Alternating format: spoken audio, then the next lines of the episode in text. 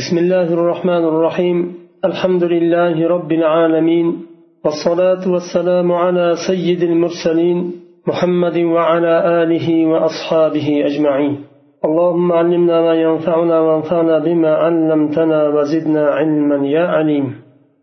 آية الأحكام دان خمر خصوصا نازل بوغان آياتنا تفسير دا دوام etyapmiz ikkinchi latifada to'xtagandik.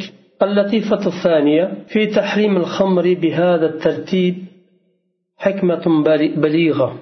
وذلك أن القوم ألفوا شرب الخمر وأصبحت جزءا من حياتهم. فلو حرمت عليهم دفعة حرمت عليهم دفعة واحدة لشق ذلك على نفوسهم. وربما لم يستجيبوا لذلك النهي. كما تقول السيدة عائشة رضي الله عنها أول ما نزل من القرآن سورة من المفصل فيها ذكر الجنة والنار حتى إذا ثاب الناس إلى الإسلام نزل الحلال والحرام ولو نزل أول ما نزل لا تشرب الخمر لقالوا لا ندع الخمر أبدا. يقارد ترتيب xamirni harom qilinishi harom qilinishida buyuk bir yetuk bir hikmat bor.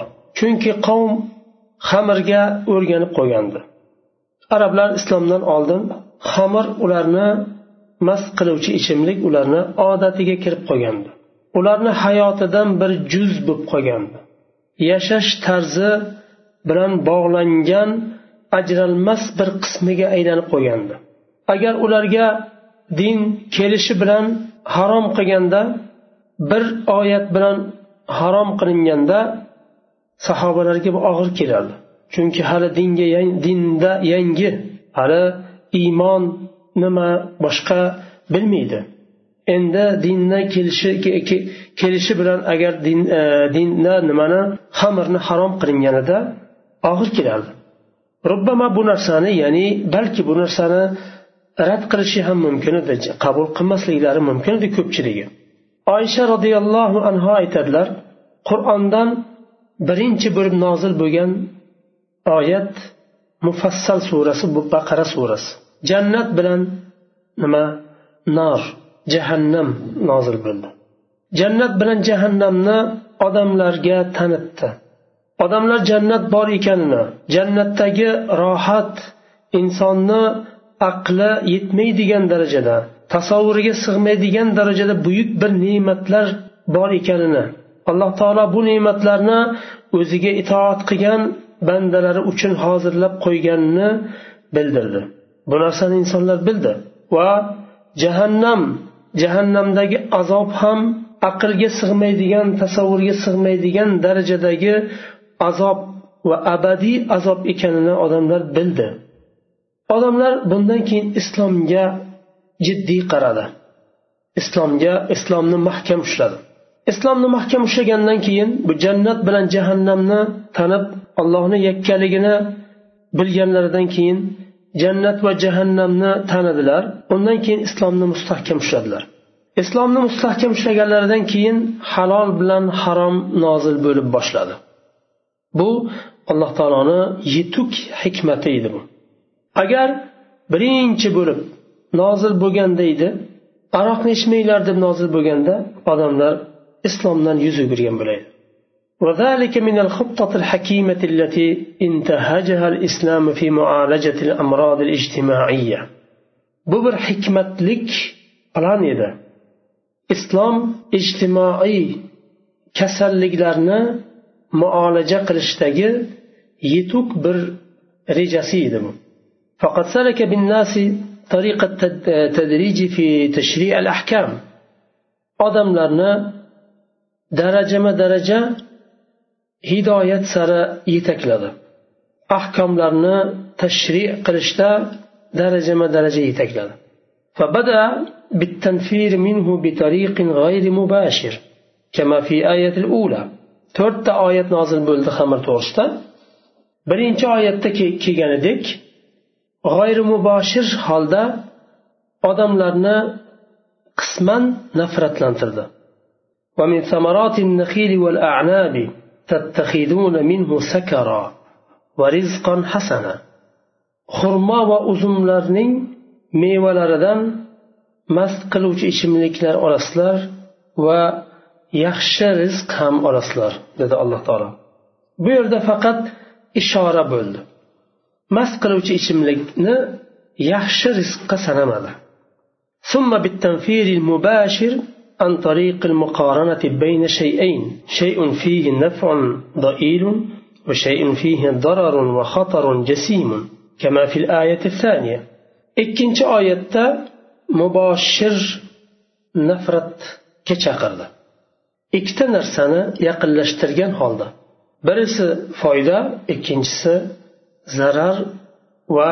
xatar يسألونك عن الخمر والميسر قل فيهما إثم كبير ومنافع للناس خمر وميسر حقدا قمار حقدا sizdan so'rashadi ayting ey muhammad sollallohu alayhi vasallam bu ikkalasida odamlar uchun foyda bor va buyuk bir zarar bor gunoh bor zarari foydasidan ko'ra kattadir deb alloh taolo uni zararini muboshir holda bildirdi to'g'ridan to'g'ri ishora qildi ثم بالتحريم الجزئي في أوقات الصلاة كما في في الآية الثالثة undan keyin uchinchi oyatda alloh taolo juz'iy man qildi ya'ni namoz vaqtlarida ichishdan man qildi يا أيها الذين آمنوا لا تقربوا الصلاة وأنتم سكارى حتى تعلموا ما تقولون أي مؤمنlar mast hollaringda namozga yaqin kelmanglar toinki o'zlaring aytadigan so'zni ma'nosini o'zlaring bilmaglaringcha bu oyat bilan namoz vaqtida ichishlikdan man qilindi ثم بالتحريم الكلي في جميع الأوقات كما في في الآية الرابعة فلله ما أدق هذا التشريع وما أحكمه undan keyin to'rtinchi oyat bilan alloh taolo hamma vaqtda kulliyan harom qildi xamirni qanchalik allohni hikmati tashri qilishlikda daqiq va buyukdir فإن قيل كيف يكون في الخمر منافع مع أنها تذهب بالمال والعقل أجر aytilsaki xamirda qanday manfaat bo'lishi mumkin u xamir ham molni ketkazadi ham aqlni ketkazadi ham molni va ham aqlni ketkazadigan bir narsada qanday manfaat bo'lishi mumkin alloh taolo manafiulinnas dedi odamlar uchun manfaat bor dedi فالجواب أن المراد بالمنافع في الآية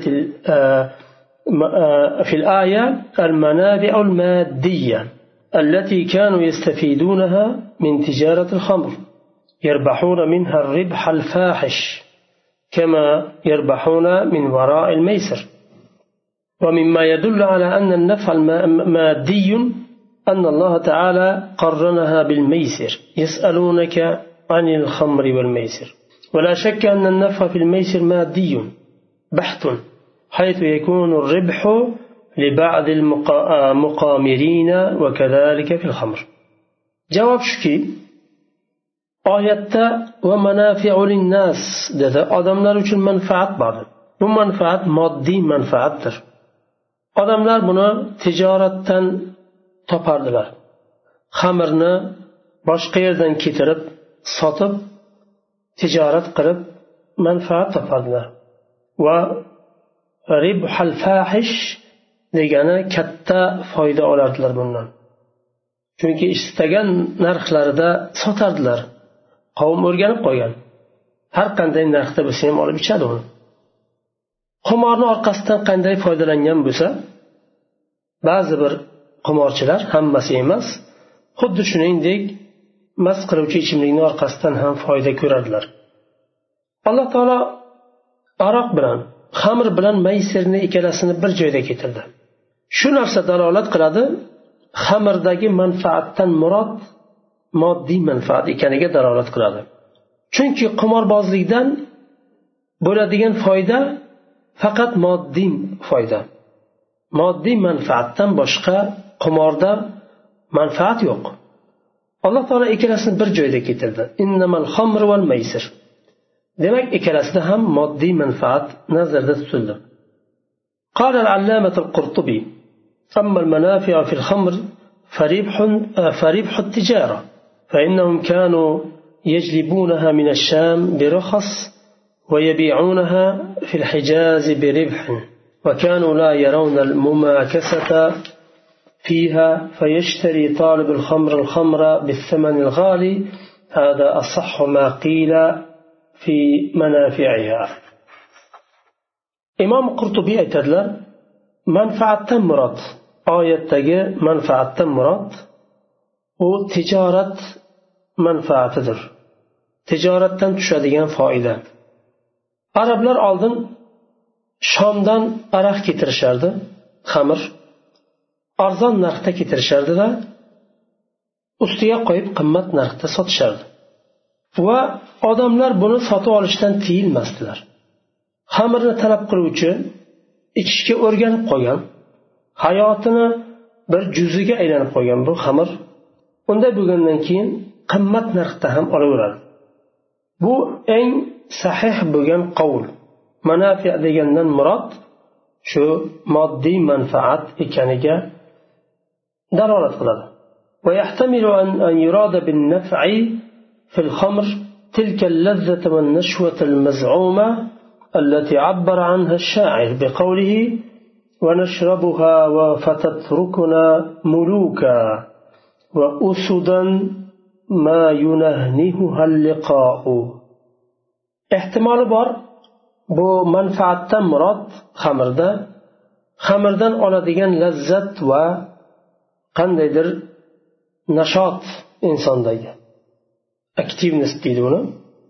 Ular o'zlaricha shu narsani ham faxrlanib aytgan johiliyatda shoir she'rda aytyapti biz bu xamirni ichamiz va bu xamir bizni podshohlardek tark qiladi. Ya'ni ichgandan keyin podshohlardek bo'lib qoladi. Ichgan odam.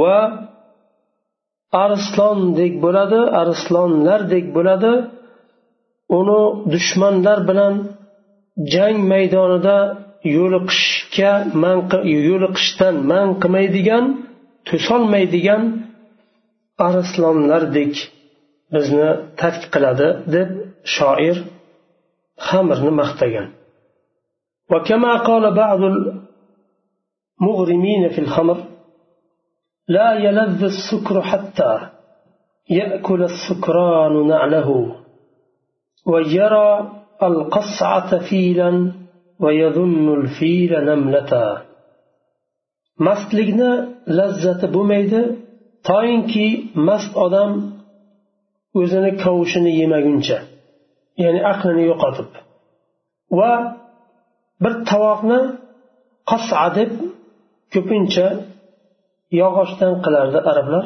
oldin tovoqni.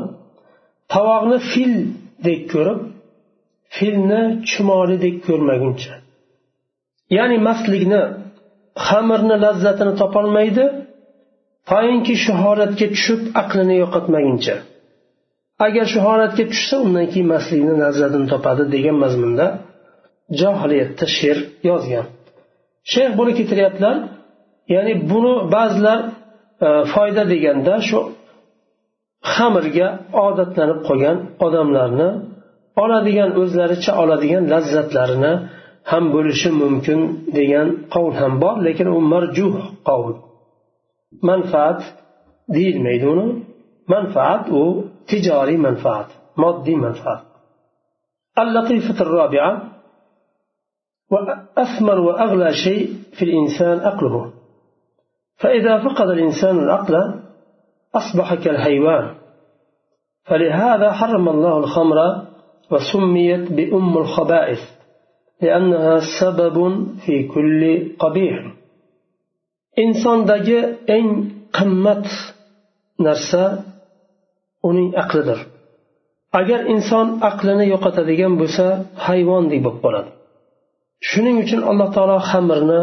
harom qildi aqlini saqlab qolish uchun وخمر أم الخبائث خبيث rasvo narsalarni onasi degan nomni oldi xamir nima uchun chunki xamir hamma qabih narsalarga sabab bo'ladi روى النسائي عن عثمان رضي الله عنه أنه قال اجتنبوا الخمر فإنها أم الخبائث إنه كان رجل ممن كان قبلكم متعبد فعلقته امرأة غوية فأرسلت إليه جاريتها فقالت له إنا ندعوك للشهادة.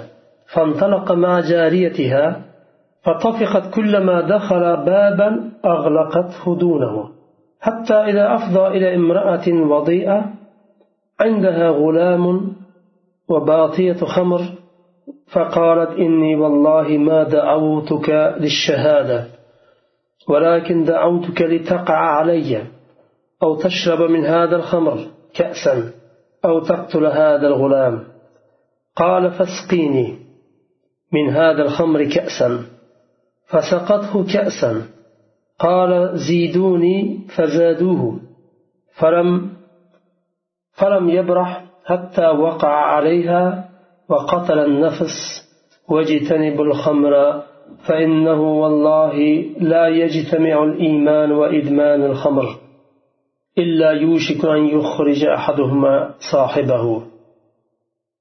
إمام النسائي رواية قردلر عثمان رضي الله عنه دن وكشي aytadilar usmon roziyallohu anhu aytadilar xamirdan chetlaninglar chunki bu xamir butun rasvoliklarni boshi onasi. Sizlardan oldingi qavmlarda bir ibodatchi obid bor edi bo'lgan. Adashgan bir ayol bunga bog'lanadi. Uzoqdan. Va o'zini joriyasini xizmatkor ayolini ayolni yuboradi.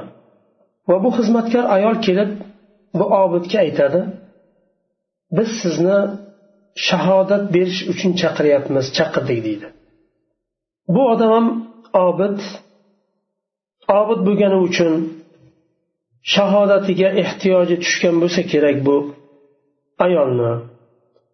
Borib shahodatlik beray bir narsaga deb orqasidan ergashib boradi. Bu ayolni uyiga kirarkan kirgan sari eshiklarni orqasidan qulflab boradi. Eng oxirgi nimaga borganda chaqirgan ayol o'tiradi. Yonida bola va bir idishda xamir o'tirgan bo'ladi. Bu ayol aytadi vallohi biz seni shohidlik berish bo'lish shohid bo'lishing uchun chaqirmadik. Men chaqirdim meni nomusimga tegishing uchun chaqirdim deydi. Yoyinki shu aroqdan xamirdan ichasan. Bir nima e, bir idish muayyan haligi nima xamir ichilinadigan idishda yoyinki bu bolani o'ldirasan deydi. Uchalasidan bittasini tanlashga chaqiradi. Shunda obid o'ylab ko'radi. Eshiklar hamma taraf qulf qulf chiqolmaydi. Bu ayolni uyida turibdi. Chiqib ketaman desa baqiradi chaqiradi uyimga bostirib kirdi deydi tuhmat qiladi. Chiqib ketadigan boshqa chora topolmagandan keyin mayli deydi idishni to'ldir xamir ber deydi. Idishni to'ldirib xamir beradi. Ichadida yana istaydi jonim yana siz nima bering deydi yana beradi. Orqama orqa bir nechta ichadi to aqli ketib bu ayolni nomusiga tegadi va bolani ham o'ldiradi. Buni aytadilarda usmon roziyallohu anhu ijtanibul xamra xamirdan uzoq turinglar chetlaninglar. Chunki bu xamir bilan xamir ichishlik bilan iymon bir jismda jamlanmaydi deydilar. Agar jamlanadigan bo'lsa birisi ikkinchisini chiqaradi. Al latifatul xamisa قال قيس بن عاصم المنقري في ذم الخمر بعد أن حرمها على نفسه. رأيت الخمر صالحة وفيها خصال تفسد الرجل الحليم. فلا والله أشربها صحيحا ولا أشفي بها أبدا سقيما. ولا أعطي بها ثمنا حياتي ولا أدعو لها أبدا نديما. فإن الخمر تفضح شاربيها وتجنيهم بها الأمر العظيم قيس بن عاصم رضي الله عنه aytadilar xamirni qanday holda topganlarini aytyaptilar halim insonni buzadigan xislati bor holda topdim deydilar allohga qasamki men sog'lom odamga aroq ichirmayman. Va kasal odamni aroq bilan davolamayman chunki u kishi johiliyatda aroq ichirishlik bilan tanilgan insonlar va shu sababli xamir sababli hayotimni bermayman. Hayotimni bu xamirni evaziga saman ya'ni e, qiymati qilmayman. Hayotimni xamirning qiymati qilib bermayman va bu xamirga hech qachon chaqirmayman hech kimni deb aytadilar va xamir tufdihu sharibiha ichuvchilarni sharmanda qiladi va ularni buyuk ishlarga jinoyat qilishga majbur qiladi قال القرطبي وإن الشارب يصير ضحكة للعقلاء فيلعب ببوله وعذرته وربما يمسح وجهه. حتى رأى بعضهم يمسح وجهه ببوله ويقول اللهم اجعلني من التوابين واجعلني من المتطهرين. ورأى بعضهم والكلب يلحس, يلحس وجهه وهو يقول له أكرمك الله كما أكرمتني. imom qurtubiy rahimalloh aytadilar aroq ichuvchi aqlli kishilarga kulgi bo'ladi. O'zini najosati bilan ham o'ynashi mumkin. Hatto yuziga ham surtishi mumkin. Ba'zi odamlar ko'rgan mast inson xamir ichib mast bo'lgan inson aqlini yo'qotgan inson o'zini bovlini olib yuziga surtib